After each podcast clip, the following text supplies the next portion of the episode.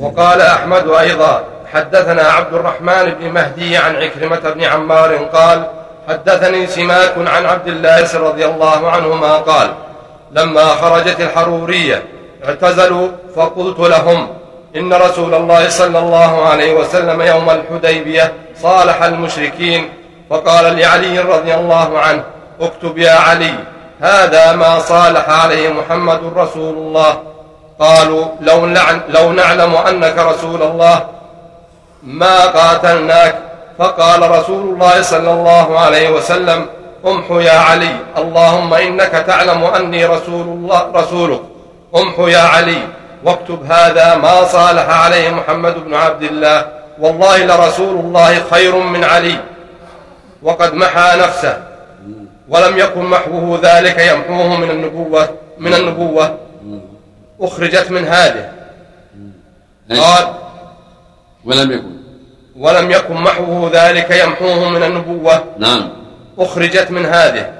أخرجت. أخرجت. أخرجت؟ أخرجت. أخرجت من هذه. نعم. قالوا نعم. ورواه أبو داود من حديث عكرمة بن عمار اليمامي بنحوه. وروى الإمام أحمد عن يحيى بن آدم عن زهير بن حرب. عن محمد بن عبد الرحمن بن أبي ليلى عن الحكم عن مقسم عن ابن عباس رضي الله عنهما قال نحر رسول الله صلى الله عليه وسلم يوم الحديبية سبعين بدنة فيها جمل لأبي جهل. فلما صدت عن البيت حنت كما تحن إلى أولادها. لقد صدق الله رسوله الرؤيا بالحق لتدخلن المسجد الحرام إن شاء الله. آمنين محلقين. محلقين رؤوسكم ومقصرين لا تخافون. فعلم ما لم تعلموا فجعل من دون ذلك فتحا قريبا. هو الذي أرسل رسوله بالهدى ودين الحق ليظهره على الدين كله وكفى بالله شهيدا. كان رسول الله صلى الله عليه وسلم قد رأى في المنام أنه دخل مكة وطاف بالبيت فأخبر أصحابه بذلك وهو بالمدينة. فلما ساروا عام الحديبية لم يشك جماعة منهم أن هذه الرؤيا تتفسر هذا العام. فلما وقع ما وقع من قضية الصلح ورجعوا عامهم ذلك على أن يعودوا من قابل وقع في نفس بعض الصحابة رضي الله عنهم من ذلك شيء حتى سأل عمر بن الخطاب رضي الله عنه في ذلك. وقال له فيما قال أفلم تكن تخبرنا أنا سنأتي البيت ونطوف به؟ قال بلى. فأخبرتك أنك تأتيه عامك هذا؟ أخبرتك. أفأخبرتك نعم. أنك تأتيه عامك هذا؟ قال لا. قال النبي صلى الله عليه وسلم فإنك آتيه ومطوف به. وبهذا أجاب الصديق رضي الله عنه أيضا حذو القذة بالقذة. ولهذا قال تبارك وتعالى لقد صدق الله رسوله الرؤيا بالحق لتدخلن المسجد الحرام إن شاء الله. هل دخلوا عام عام القضاء؟ دخلوا السنة السابقة صدوا يوم السنة السادسة ثم دخلوا السنة السابعة وطافوا حقق الله ما أخبر به نبيه صلى الله عليه وسلم. نعم الله نعم. هذا لتحقيق الخبر وتوكيده وليس هذا من الاستثناء في شيء. وقوله عز وجل آمنين أي في حال دخولكم. وقوله محلقين محلقين رؤوسكم ومقصرين. حال مقدرة لأنهم في حال دخولهم لم يكونوا محلقين ومقصرين. وإنما كان هذا في ثاني الحال. كان منهم من حلق رأسه ومنهم من قصره. وثبت في الصحيحين أن رسول الله صلى الله عليه وسلم قال رحم الله المحلقين. قالوا والمقصرين يا رسول الله؟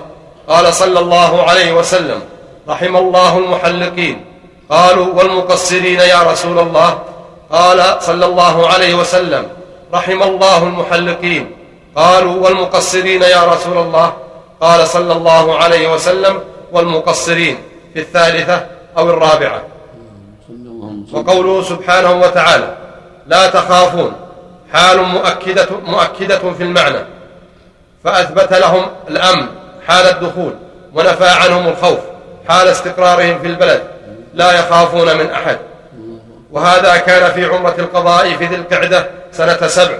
فإن النبي صلى الله عليه وسلم لما رجع من الحديبية في ذي القعدة رجع إلى المدينة فأقام بهذا الحجة والمحرم وخرج في صفر إلى خيبر ففتح الله عليه بعضها عنوة وبعضها صلحا وهي إقليم عظيم كثير النخل والزرع فاستخدم من فيها من اليهود عليها على الشطر وقسمها بين أهل الحديبية وحدهم ولم يشهدها أحد غيرهم غيرهم.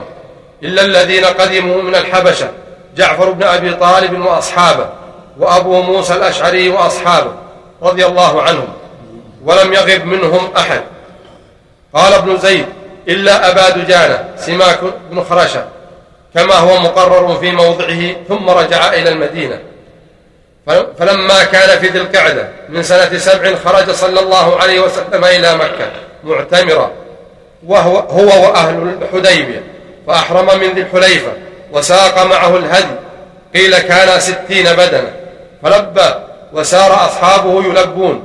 فلما كان صلى الله عليه وسلم قريبا من مر الظهران بعث محمد بعث محمد بن سلمة بالخيل والسلاح أمامه.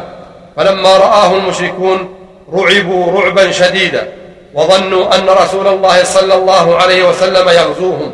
وأنه قد نكث العهد الذي بينهم وبينه من وضع القتال عشر سنين. فذهبوا فأخبروا أهل مكة فلما جاء رسول الله صلى الله عليه وسلم فنزل بمر الظهران حيث ينظر إلى أنصاب الحرم. بعث السلاح من القسي والنبل والرماح إلى بطن يأجج وسار إلى مكة بالسيوف مغمدة في قربها في قروبها. كما شارطهم عليه.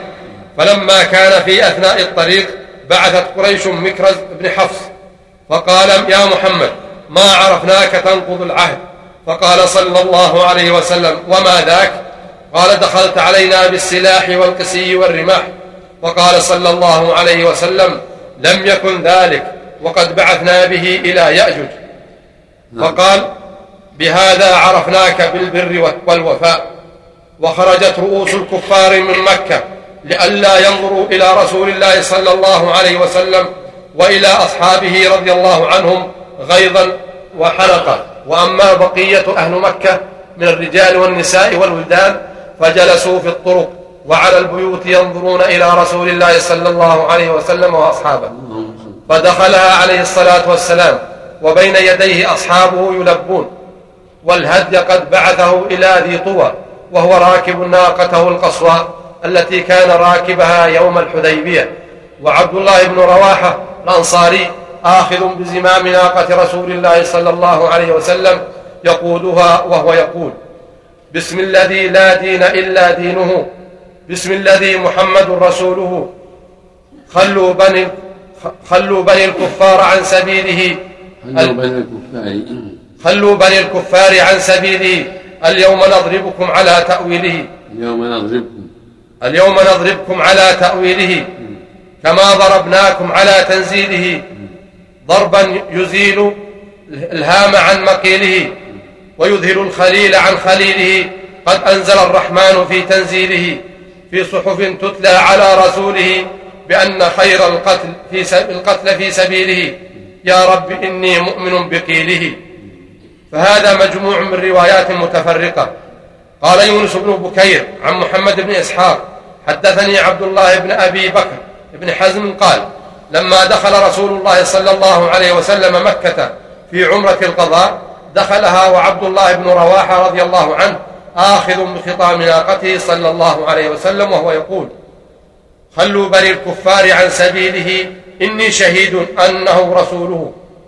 خلوا فكل الخير في رسوله. يا رب إني مؤمن بقيله. نحن قتلناكم على تأويله كما قتلناكم على تنزيله. ضرب ضربنا يزيل الهام عن مقيله. ضربا ضربا يزيل الهام عن عن مقيله ويظهر الخليل عن خليله. وقال عبد الرزاق حدثنا معمر عن الزهري عن أنس بن مالك رضي الله عنه قال لما دخل رسول الله صلى الله عليه وسلم مكة في عمرة القضاء مشى عبد الله بن رواحة رضي الله عنه بين يديه وفي رواية وابن رواحة آخذ بغرزه وهو رضي الله عنه يقول خلوا بني الكفار عن سبيله قد نزل الرحمن في تنزيله بأن خير القتل بأن خير القتل في سبيله يا رب إني مؤمن بقيله نحن قتلناكم على تأويله كما قتلناكم على تنزيله. اليوم نضربكم على تأويله. ضربا يزيل الهام عن مقيله ويظهر الخليل عن خليله. تفسير معنى معنى كلام. الله وكلام رسوله تفسير اوامر نعم. والله جزم اليوم نضرب. بسبب الجزم. للضروره ضروره السائل للضروره ينكسر به غيركم انكسر نعم. وقال الإمام أحمد حدثنا محمد بن الصباح حدثنا إسماعيل يعني, يعني ابن زكريا عن عبد الله يعني ابن عثمان عن أبي, أبي الطفيل عن ابن عباس رضي الله عنه. عن أبي الطفيل. عن ابن عباس رضي الله عنهما قال إن رسول الله صلى الله عليه وسلم لما نزل مر الظهران في عمرته بلغ أصحاب رسول الله صلى الله عليه وسلم أن قريشا تقول بلغ أصحاب.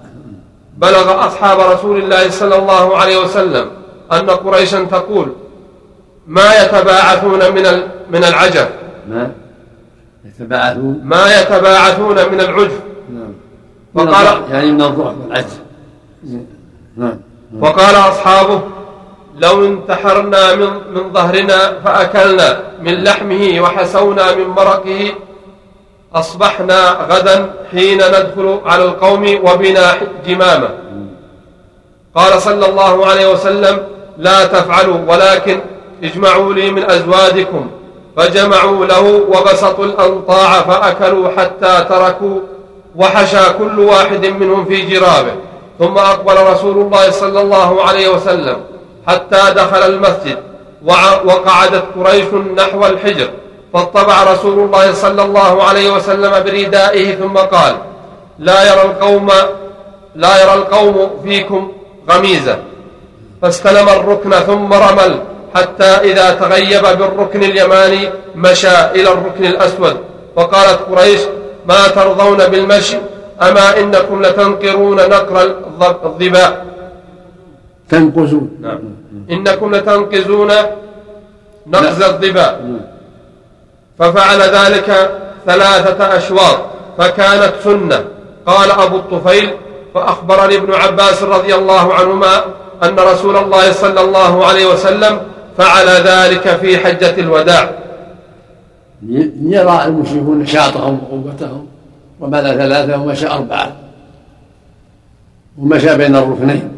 لكن في حجة الوداع أمرهم أن يرملوا الأشواط كلها. من الحجر إلى الحجر. واستقر السنة. طواف القدوم الرمل في الثلاثة الأولى. من الحجر إلى الحجر. أما في عمرة القضاء فكانوا يمشون بين الركنين لأنهم يختفون عن قريش. وكانت قريش من جهة الحجر. ما يتباعثون من العجب صحيح؟ نعم. من الضعف. من العجف. الضعف المرض والضعف. البسم كذا غير الله. بمنزلة الحلف أو بمنزلة يختلف كان يستعين به لا ما يجوز. أما يخبر ان أن دخلنا باسمه أو بأمره أو بتوجيهه فلا لا بأس. نعم. نعم. احسن الله اليك من بدأ الطواف من الركن اليماني. نعم. من بدأ الطواف من الركن اليماني. نعم بالحجر الأسود. الطواف بالحجر الأسود. نعم. طاف جاهلا. نعم الزعيد لاغي بدء من اليماني لاغي إنما يحسب له من الحجر الأسود. وقال أحمد أيضا حدثنا يونس بن محمد حدثنا حماد بن زيد حدثنا أيوب عن سعيد بن جبير عن ابن عباس رضي الله عنهما قال قدم رسول الله صلى الله عليه وسلم وأصحابه مكة وقد وهنتهم حمى يثرب ولقوا منها سوءا. فقال المشركون إنه يقدم عليكم قوم قد وهنتهم حمى يثرب. ولقوا منها شرا وجلس المشركون من الناحية التي تلي الحجر. فاطلع فأطلع الله تعالى نبيه صلى الله عليه وسلم على ما قالوا. فأمر رسول الله صلى الله عليه وسلم أصحابه أن يرملوا الأشواط الثلاثة ليرى المشركون جلدهم. قال فرملوا ثلاثة أشواط وأمرهم أن يمشوا بين الركنين حيث لا يراهم المشركون. ولم يمنع النبي صلى الله عليه وسلم أن يرملوا الأشواط كلها إلا إبقاء عليهم. فقال المشركون أهؤلاء الذين زعمتم أن الحمى قد وهنتهم هؤلاء أجلد من كذا وكذا أخرجاه في الصحيحين من حديث حماد بن زيد به. وفي لفظ قدم النبي صلى الله عليه وسلم وأصحابه رضي الله عنهم صبيحة رابعة. يعني من ذي, من ذي القعدة. فقال المشركون إنه يقدم عليكم وفد قد وهنتهم حمى يثرب. فأمرهم النبي صلى الله عليه وسلم أن يرملوا الأشواط الثلاثة. ولم يمنعه أن يأمرهم أن يرملوا الأشواط كلها إلا الإبقاء عليهم. قال البخاري وزاد ابن سلمة يعني حماد بن سلمة عن أيوب عن سعيد بن جبير عن ابن عباس رضي الله عنهما قال لما قدم النبي صلى الله عليه وسلم لعامه الذي استأمن قال ارملوا ليرى المشركون قوتهم. والمشركون من قبل قعيقعان. نعم. وحدثنا محمد. يعني شمال من جهة الحجر نعم. نعم. وحدثنا محمد حدثنا سفيان بن عيينة عن عمرو بن دينار عن عطاء بن عن عطاء عن ابن عباس رضي الله عنهما قال إنما سعى النبي صلى الله عليه وسلم بالبيت وبالصفا والمروة ليرى المشركون قوته. ليرى نعم. ليرى المشركون قوته. نعم. ورواه في مواضع أخر. ومسلم والنسائي من طرق عن سفيان بن عيينة به. وقال أيضا حدثنا علي بن عبد الله. حدثنا سفيان. حدثنا إسماعيل بن أبي خالد. أنه سمع ابن أبي أوفى يقول لما اعتمر رسول الله صلى الله عليه وسلم سترناه من غلمان المشركين ومنهم أن يؤذوا رسول الله صلى الله عليه وسلم انفرد به البخاري دون مسلم وقال البخاري أيضا حدثنا محمد بن رافع حدثنا سريج بن النعمان حدثنا. حدثنا محمد بن رافع حدثنا شريح بن النعمان شريح بالجيم شريح. بالجيم والسين. سريج نعم. حدثنا سريج بن النعمان حدثنا فليح. وحدثني محمد بن الحسين بن إبراهيم. حدثنا أبي. حدثنا فليح بن سليمان عن نافع عن ابن عمر رضي الله عنهما قال إن رسول الله صلى الله عليه وسلم خرج معتمرا فحال كفار قريش بينه وبين البيت. فنحر هديه وحلق رأسه بالحديبية وقاضاهم على أن يعتمر العام المقبل ولا يحمل سلاحا عليهم إلا سيوفا ولا يقيم بها إلا ما أحبوا فاعتمر, فاعتمر صلى الله عليه وسلم من العام المقبل فدخلها كما كان صالحهم. فلما أن أقام بها ثلاثا أمروه أن يخرج. فخرج صلى الله عليه وسلم وهو في صحيح مسلم أيضا. وقال البخاري أيضا حدثنا عبيد الله بن موسى عن إسرائيل عن أبي إسحاق عن البراء رضي الله عنه قال اعتمر النبي صلى الله عليه وسلم في ذي القعدة فأبى أهل مكة أن, يدعو أن يدعوه. يدخل مكة حتى قاضاهم على أن يقيموا بها ثلاثة أيام. فلما كتبوا الكتاب كتبوا هذا كتبوا هذا ما قاضى عليه محمد رسول الله محمد رسول الله. قالوا لا نقر بهذا ولا نعلم أنك رسول الله. ما منعناك؟ ولو نعلم أنك رسول الله ما منعناك شيئا. ولكن اكتب محمد بن عبد الله. قال صلى الله عليه وسلم أنا رسول الله وأنا محمد بن عبد الله. ثم قال صلى الله عليه وسلم لعلي بن أبي طالب رضي الله عنه امحو رسول الله. قال رضي الله عنه لا والله لا أمحوك أبدا. وأخذ رسول الله صلى الله عليه وسلم الكتاب وليس يحسن يكتب فكتب.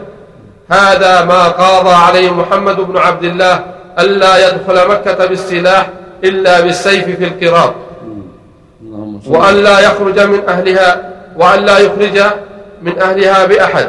أراد أن يتبعه. وأن لا. يخرج من أهلها بأحد أراد أن يتبعه. وأن لا. يمنع من أصحابه أحدا إن أراد أن يقيم بها. فلما دخلها ومضى الأجل أتوا عليا فقالوا قل لصاحبك اخرج عنا. فقد مضى الأجل. فخرج النبي صلى الله عليه وسلم. فتبعته ابنة حمزة رضي الله عنه. تنادي يا عم يا عم. فتناولها علي رضي الله عنه. فأخذ بيدها وقال لفاطمة رضي الله عنها دونك ابنة عمك. فحملتها فاختصم فيها علي وزيد وجعفر رضي الله عنهم. فقال علي رضي الله عنه أنا أخذتها وهي ابنة عمي. وقال جعفر رضي الله عنه ابنة عمي وخالتها تحتي. وقال زيد رضي الله عنه ابنة أخي فقضى بها النبي صلى الله عليه وسلم لخالتها وقال الخالة بمنزلة الأم.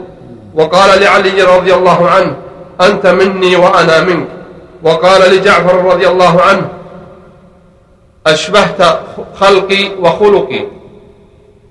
وقال نعم. صلى الله عليه وسلم لزيد رضي الله عنه أنت أخونا ومولانا. قال علي رضي الله عنه ألا تتزوج ابنة حمزة رضي الله عنه؟ قال صلى الله عليه وسلم إنها ابنة أخي من الرضاعة تفرد به من هذا الوجه. وقوله تعالى فعلم ما لم تعلموا فجعل من دون ذلك فتحا قريبا.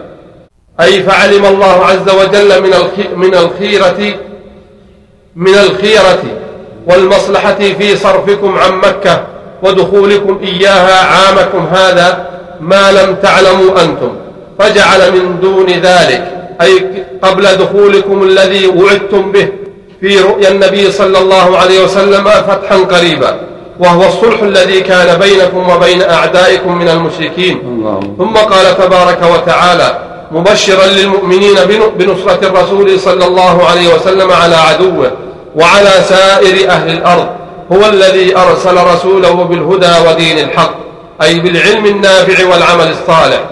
فإن الشريعة تشتمل على شيئين علم وعمل. فالعلم الشرعي صحيح والعمل الشرعي مقبول. وهو المراد بقول الهدى هذا العلم. الدين الحق هذا الشرع. يعني بالعلم النافع والعمل الصالح. بعثه الله بالعلم النافع والعمل الصالح. كتابة النبي صلى الله عليه وسلم آية. من آيات نعم هذه من تعليم الله له. المعجزات نعم. نعم.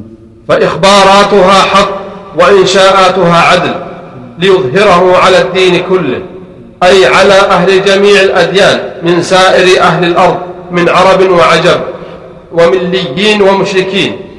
وكفى بالله شهيدا أي أنه رسوله وهو ناصره والله سبحانه وتعالى أعلم.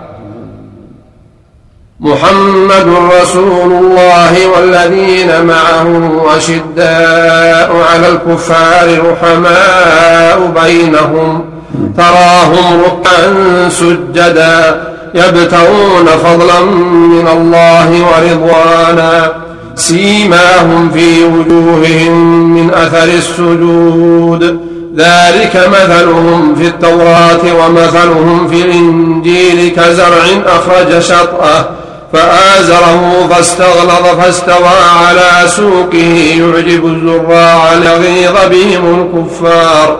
وعد الله الذين آمنوا وعملوا الصالحات منهم مغفرة. وعد الله الذين آمنوا وعملوا الصالحات منهم مغفرة وأجرا عظيما. يخبر تعالى عن محمد صلى الله عليه وسلم أنه رسوله حقا بلا شك ولا ريب.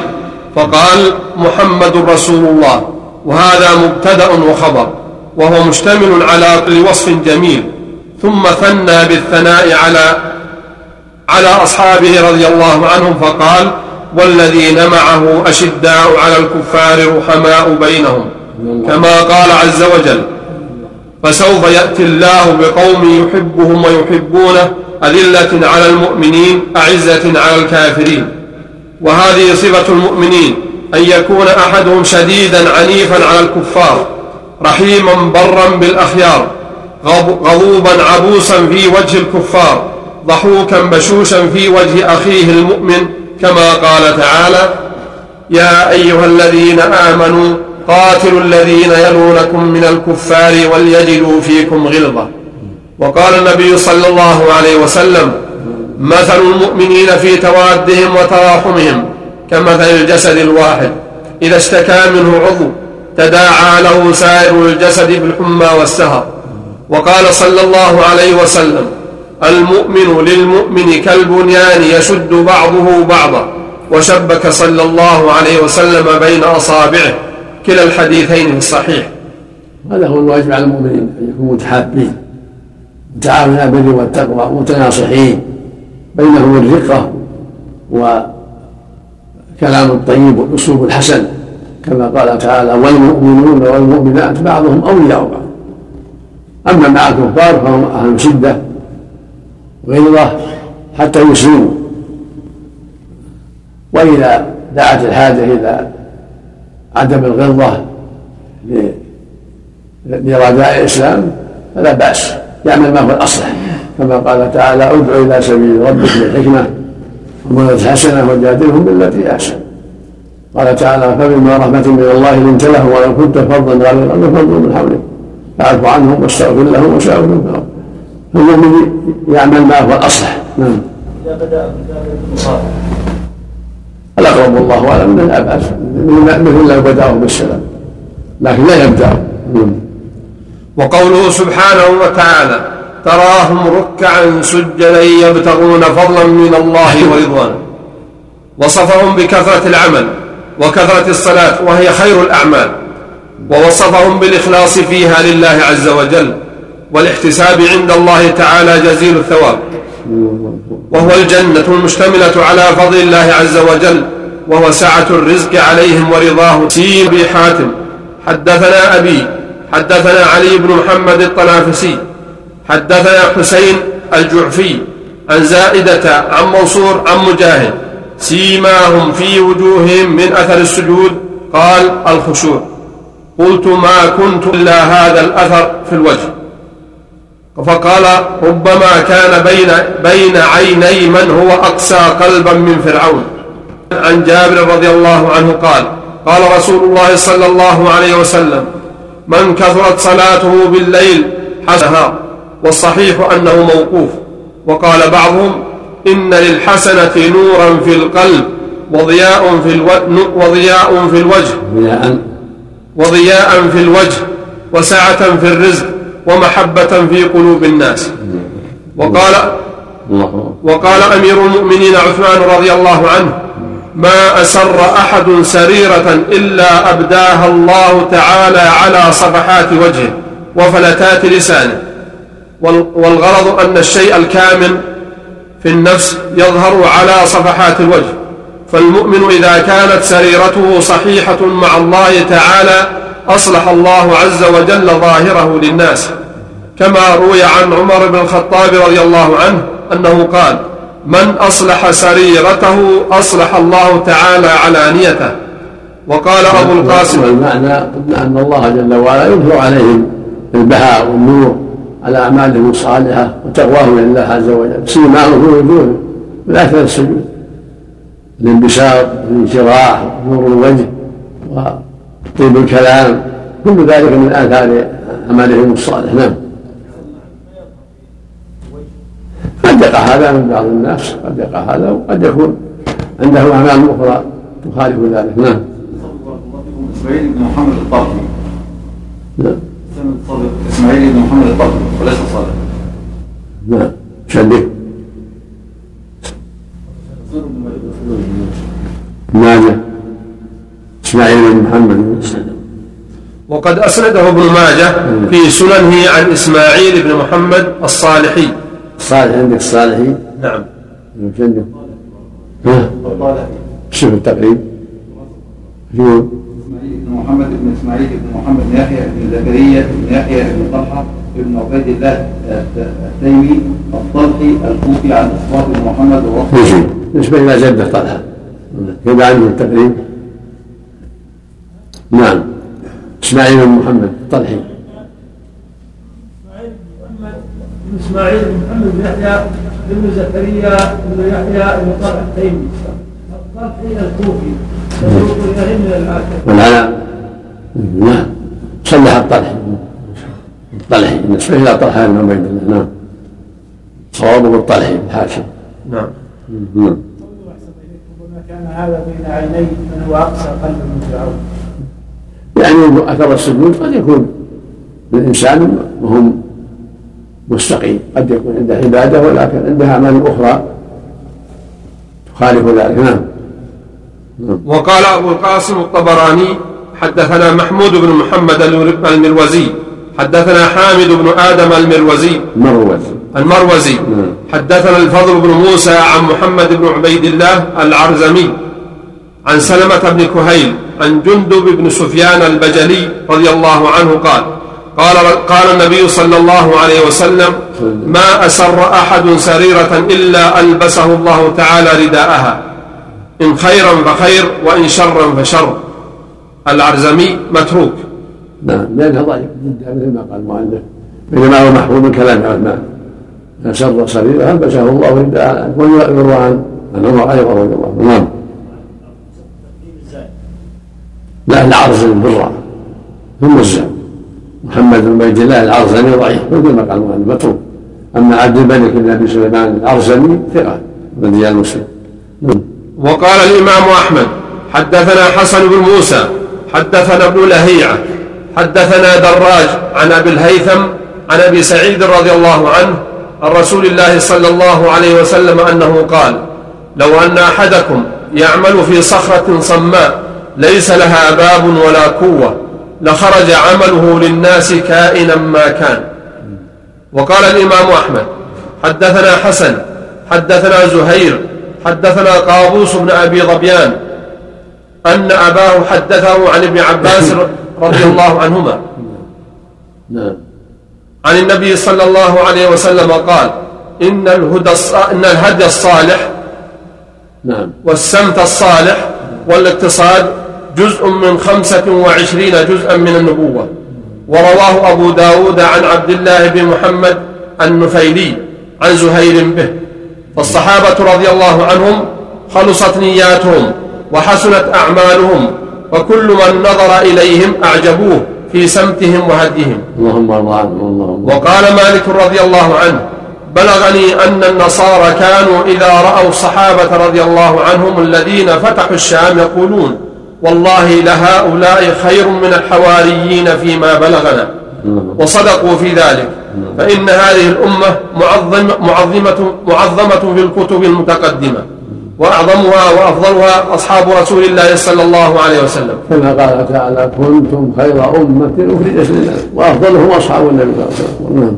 وقد نوه الله تبارك وتعالى بذكرهم في الكتب المنزلة والأخبار المتداولة.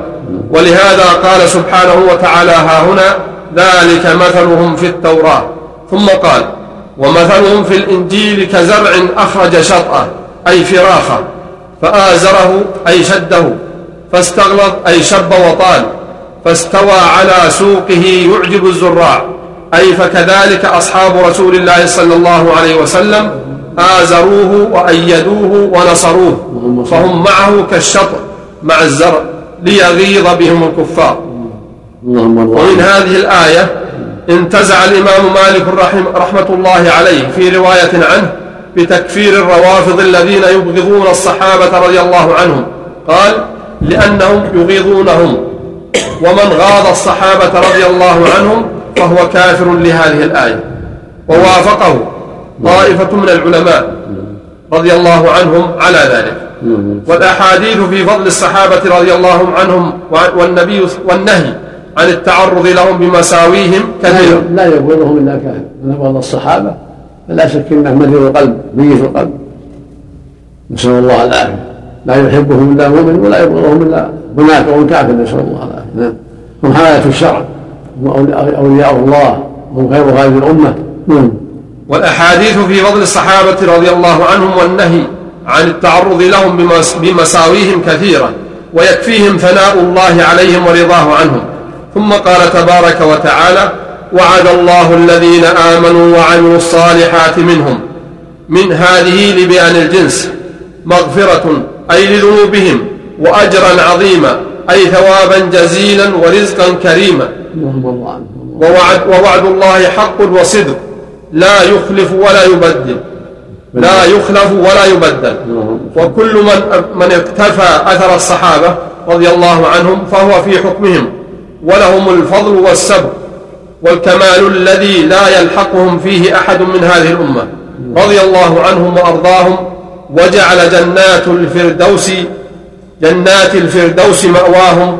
وقد وقد فعل وقد فعل. قال مسلم في صحيحه حدثنا يحيى بن يحيى حدثنا أبو معاوية عن الأعمش عن أبي صالح عن أبي هريرة رضي الله عنه قال قال رسول الله صلى الله عليه وسلم لا تسبوا أصحابي فوالذي نفسي بيده لو أن أحدكم أنفق مثل أحد ذهبا ما أدرك ما مد أحدهم ولا نصيفه آخر تفسير سورة الفتح ولله الحمد والمنة. والله أعلم وصلى الله وسلم على نبينا ويقول صلى الله عليه وسلم خير أمتي قرني ثم ثم واللفظ الآخر خير الناس قرني. هذا فضل عظيم رضي الله عنهم وأرضاهم. نسأل الله العافية.